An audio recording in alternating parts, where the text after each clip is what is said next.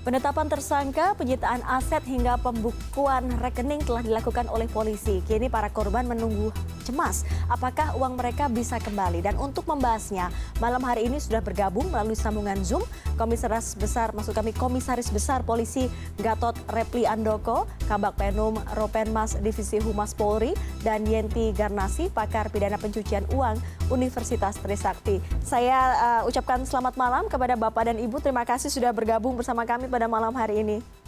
Selamat malam. Ya, saya pertama kali akan ke Pak Gatot dulu. Pak Gatot, uh, boleh diupdate seperti apa uh, penyidikan uh, hingga hingga saat ini sudah tahu bahwa ada dua afiliator yaitu atas nama uh, Doni Salmanan dan juga Indra Kesuma yang ditetapkan sebagai tersangka sudah diambil uh, aset-asetnya sudah disita. Sejauh ini apakah kemudian uh, polisi juga melakukan pendidikan terhadap afiliator lain? Baik Mbak, uh, perlu kami sampaikan khusus untuk untuk kasus DS uh, dengan platform Kuitek, jadi kami sampaikan dalam rilis bahwa penyidik sudah melakukan pemeriksaan terhadap 28 saksi, yaitu terdiri dari ada 20 saksi, kemudian ada uh, saksi ahli jumlahnya 8 orang, mm -hmm. yang terdiri dari dua saksi ahli bahasa, kemudian dua saksi ahli ite kemudian ada tiga ahli pidana dan satu ahli investigasi investasi maaf hmm. kemudian barang bukti yang sudah diamankan sementara ini sementara ini dan sudah dilakukan penyitaan itu ada beberapa uh, unit rumah jadi ada satu uh, dua unit rumah yang pertama itu ada di daerah Soreang kemudian ada di kota Bandung ini khusus DS Mhm. Kemudian juga ada satu unit kendaraan mewah uh, jenis Porsche kemudian juga ada kendaraan uh, Honda CR-V kemudian Fortuner ada juga kendaraan roda dua seperti motor Ninja, BMW, Ducati, dan Yamaha GF.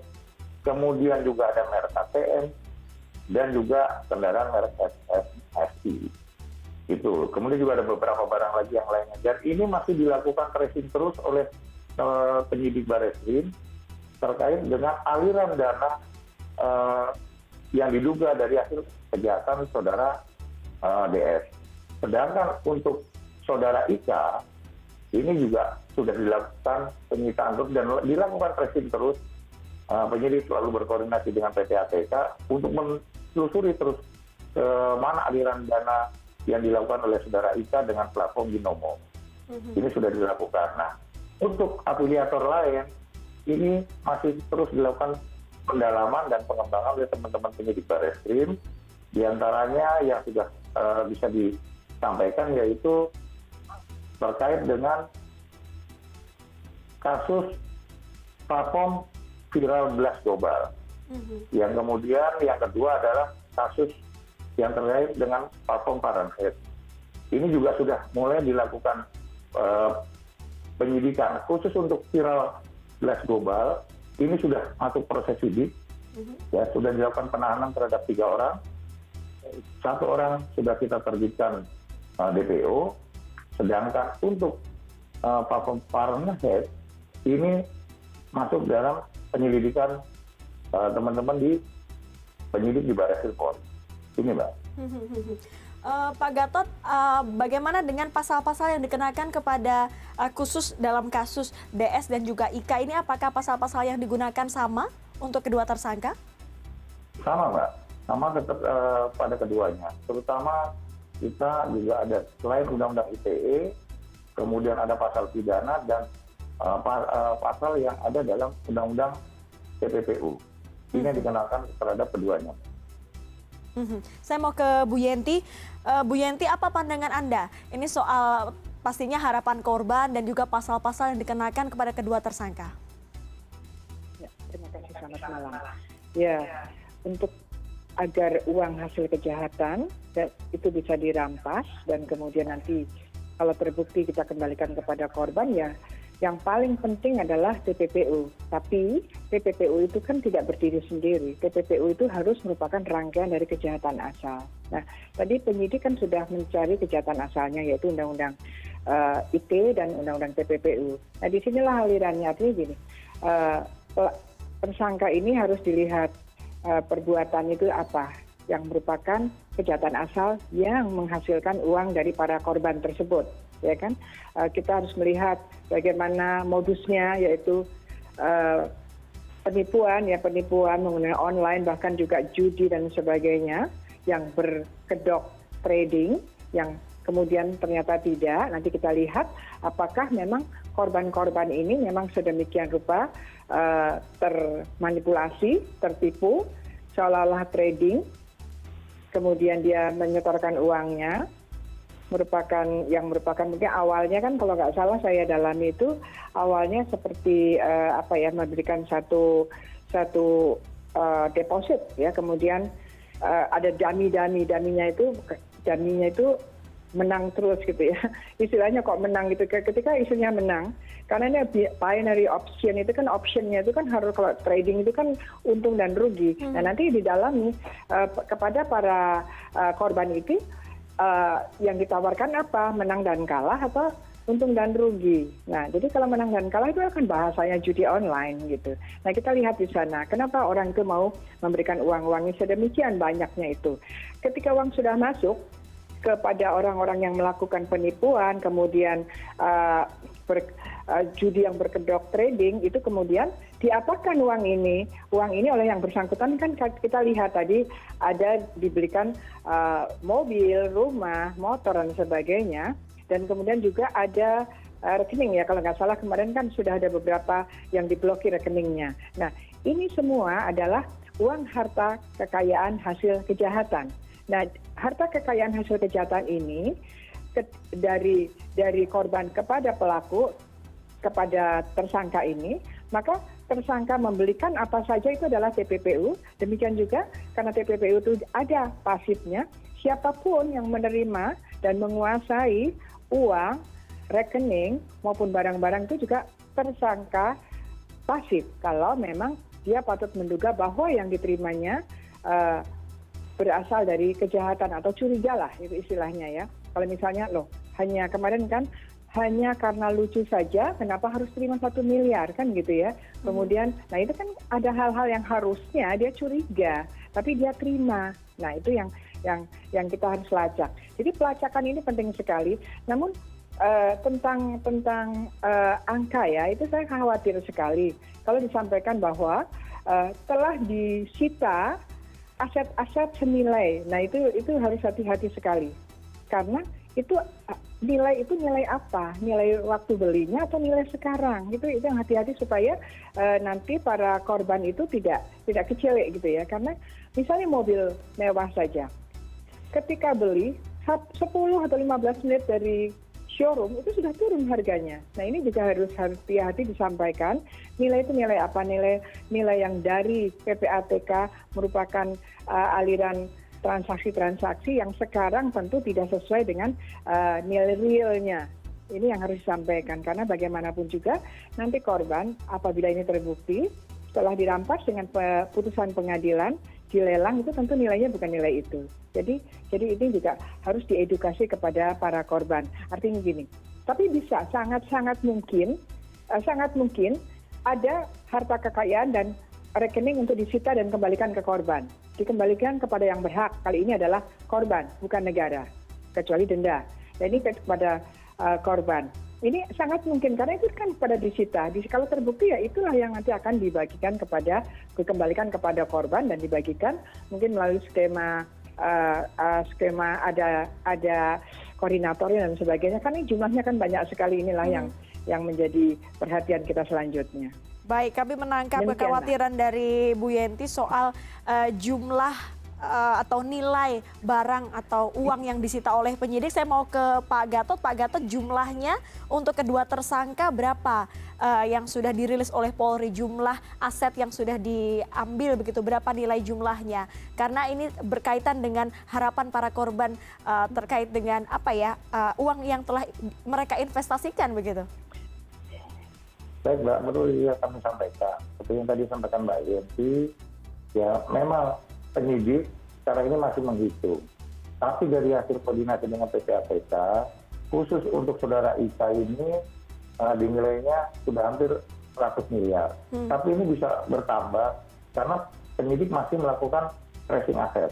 Nanti kan pasti akan disampaikan lagi. Sedangkan untuk uh, saudara DS, dari hasil penilaian sementara itu nilainya adalah hampir 60 miliar. Dan ini masih terus dilakukan tracing dan kemungkinan akan lebih. Itu ya Mbak. Hmm, hmm, hmm, Jumlahnya tidak main-main ya. Uh, kalau tadi iya. IKA lebih mungkin bisa lebih dari 100 M, kalau DS ada lebih dari 60 M. Uh, Bu Yenti ini nilainya cukup besar tentunya juga banyak juga korban yang sudah melaporkan. Seperti apa Bu Yenti seharusnya para korban ini uh, kemudian uh, menempuh jalur hukum untuk bisa mendapatkan kembali hak mereka? Iya. Eh, para korban itu kan juga pasti didampingi oleh penasihat hukumnya. Mm-hmm. selain koordinator ya koordinator biasa belum tentu dia pengacara juga ya. Saya kira perlu juga di, dikawal gitu ya karena nanti ini kan uh, sama dengan first travel pada waktu itu atau jiwasraya janganlah sampai membuat gaduh di luar kan. Jadi nanti betul-betul harus uh, penyidik uh, kan gini pak uh, pak Gatot itu kan aliran dana dari ppatk kan menyebutkan nama nama juga ya. Pasti ada itu nama nama semua tapi banyak sekali nama ini.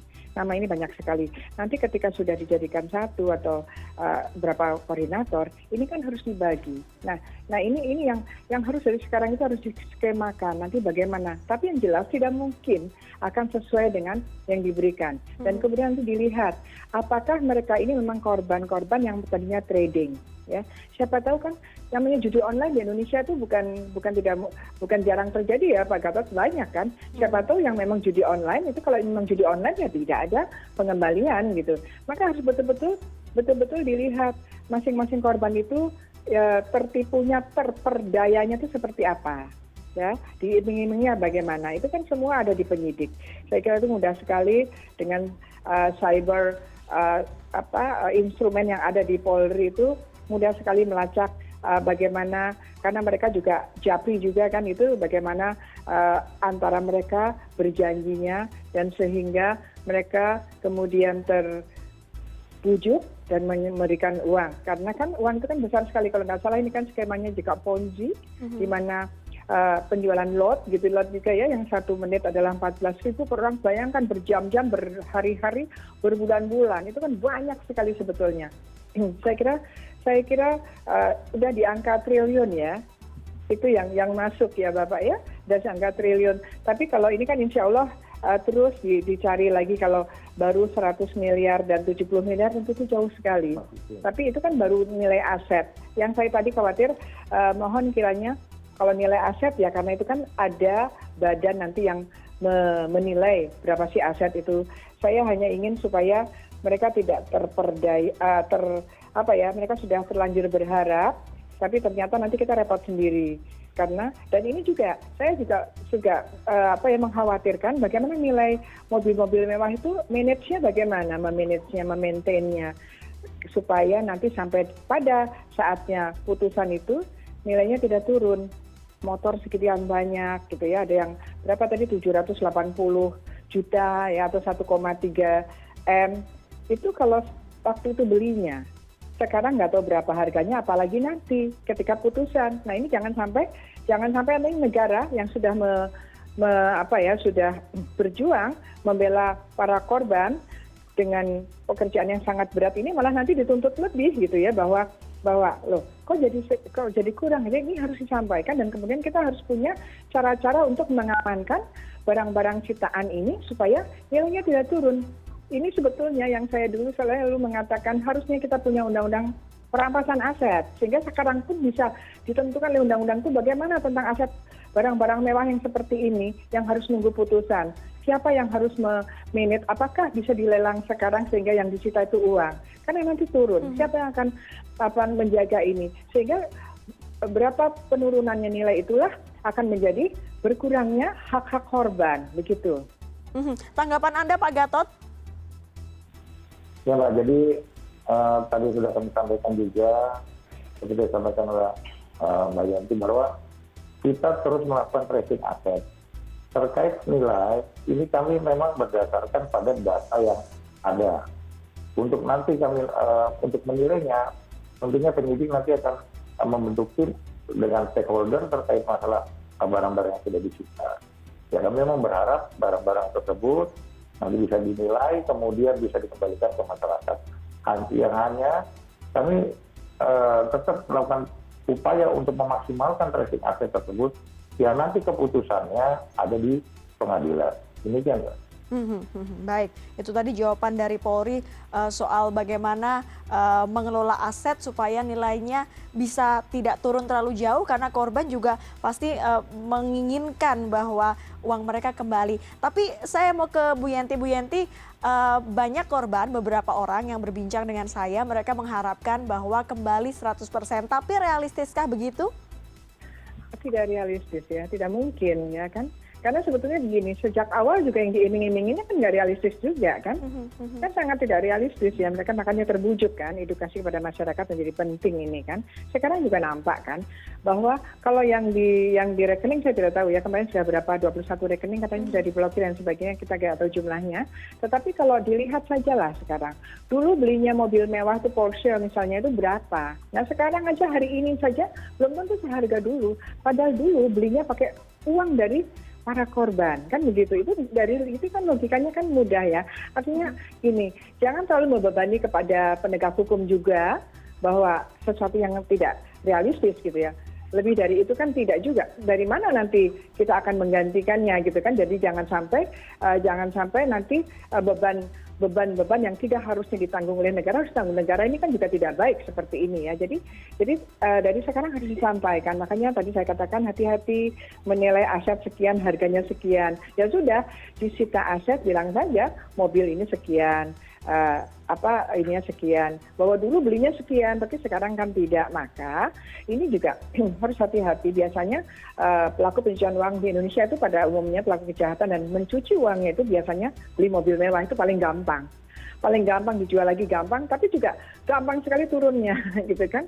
Ya itu tadi saya katakan setengah jam dari uh, showroom aja sudah berbeda harganya kalau dijual. Di situ kan. Nah apalagi kalau dia menjual gampang ada yang dijual juga itu kan sudah berpindah tangan dan sebagainya menyitanya bagaimana. Tetapi apresiasi kepada polisi yang sudah melacak dan terus melacak asetnya juga pengembangan kepada para pelakunya ya Pak. Gatot ya tersangkanya sehingga uh, tidak saja pelaku yang mengeluarkan tapi sekarang barang-barang itu di mana itu yang belum. Kan misalnya uh, belum belum belum ada medianya ya mungkin memang belum disampaikan.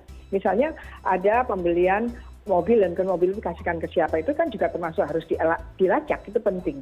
Juga misalnya ada pemberian uang kepada uh, teman dekat atau kepada siapa pun juga kan harus dilacak. Uh, yang kita sudah dengar di media ada beberapa dibagi-bagikan. Nah. kalau jumlah pembagian itu sangat tidak wajar ya itu harus disita. Nah ini ada yang dibagi-bagikan. iya tetapi kalau yang di jalan raya saya kira tidak bisa ya. Itu kan itu tidak masuk akal lah. Apa terlalu berat ya untuk kita. Karena mereka tidak tahu dan ada ada suatu pola uh, pola atau kebiasaan yang kadang itu sedekah ya di jalanan ngasih-ngasih gitu. Orang masyarakat tahunya ini kan orang kaya kita sedang pandemik bagi dua ratus ribu satu ribu semuanya di jalanan. Hanya waktu itu harusnya yang bagi-bagi itu dilacak dong ini siapa sih kok seperti ini? gitu ya.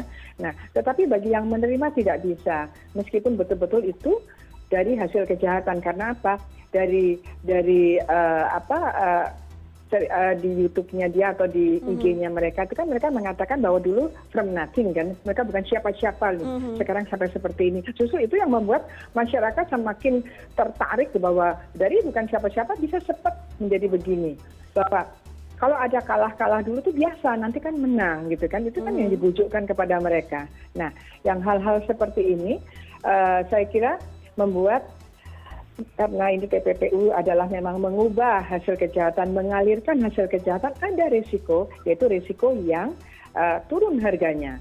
Walaupun bisa jadi misalnya di di apa di di investasikan lagi ke tempat lain bisa jadi ada ada keuntungannya bisa jadi juga gitu. Atau uh, di ditransferkan atau di uh, ditempatkan ya di satu kegiatan bank bisa juga malah ada bunganya kan bisa. Tetapi kalau memberi barang-barang itu pasti turun apalagi untuk yang apa ya beli beli jalan-jalan ke mana-mana itu kan hilang itu uangnya tidak mungkin mau nyita ke mana masa nyita ke misalnya menyewa uh, kapal uh, pesawat private jet ya begitu ya menyewa hmm. uh, menyewa atau, atau atau tidak menyewa saya tidak tahu ya tapi pasti ada uang untuk itu yang jelas tidak beli private jet. Kalau beli private jet pasti lumayan bisa ditarik ya Pak. Tapi kalau pembayarannya kan agak sulit ya.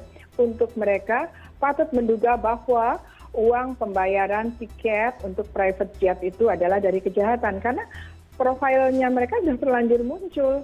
Mereka profil yang muncul di media ber, ber apa, dua tahun mungkin ya dua tahun ini sudah cukup meyakinkan bahwa orang-orang yang menerima pembayaran itu tidak patut menduga.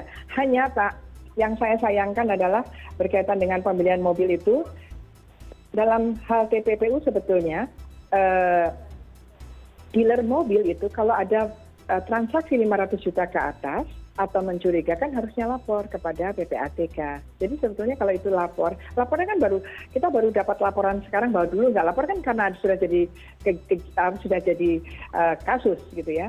Nah ini ini juga harus ada perhatian dari ojk bagaimana ojk meyakinkan bahwa para bank-bank itu para penyedia jasa keuangan termasuk dealer ya para penyedia jasa keuangan dan barang termasuk dealer itu harus melakukan pelaporan kepada ppatk kalau ada transaksi 500 juta ke atas atau berapapun sepanjang itu mencurigakan.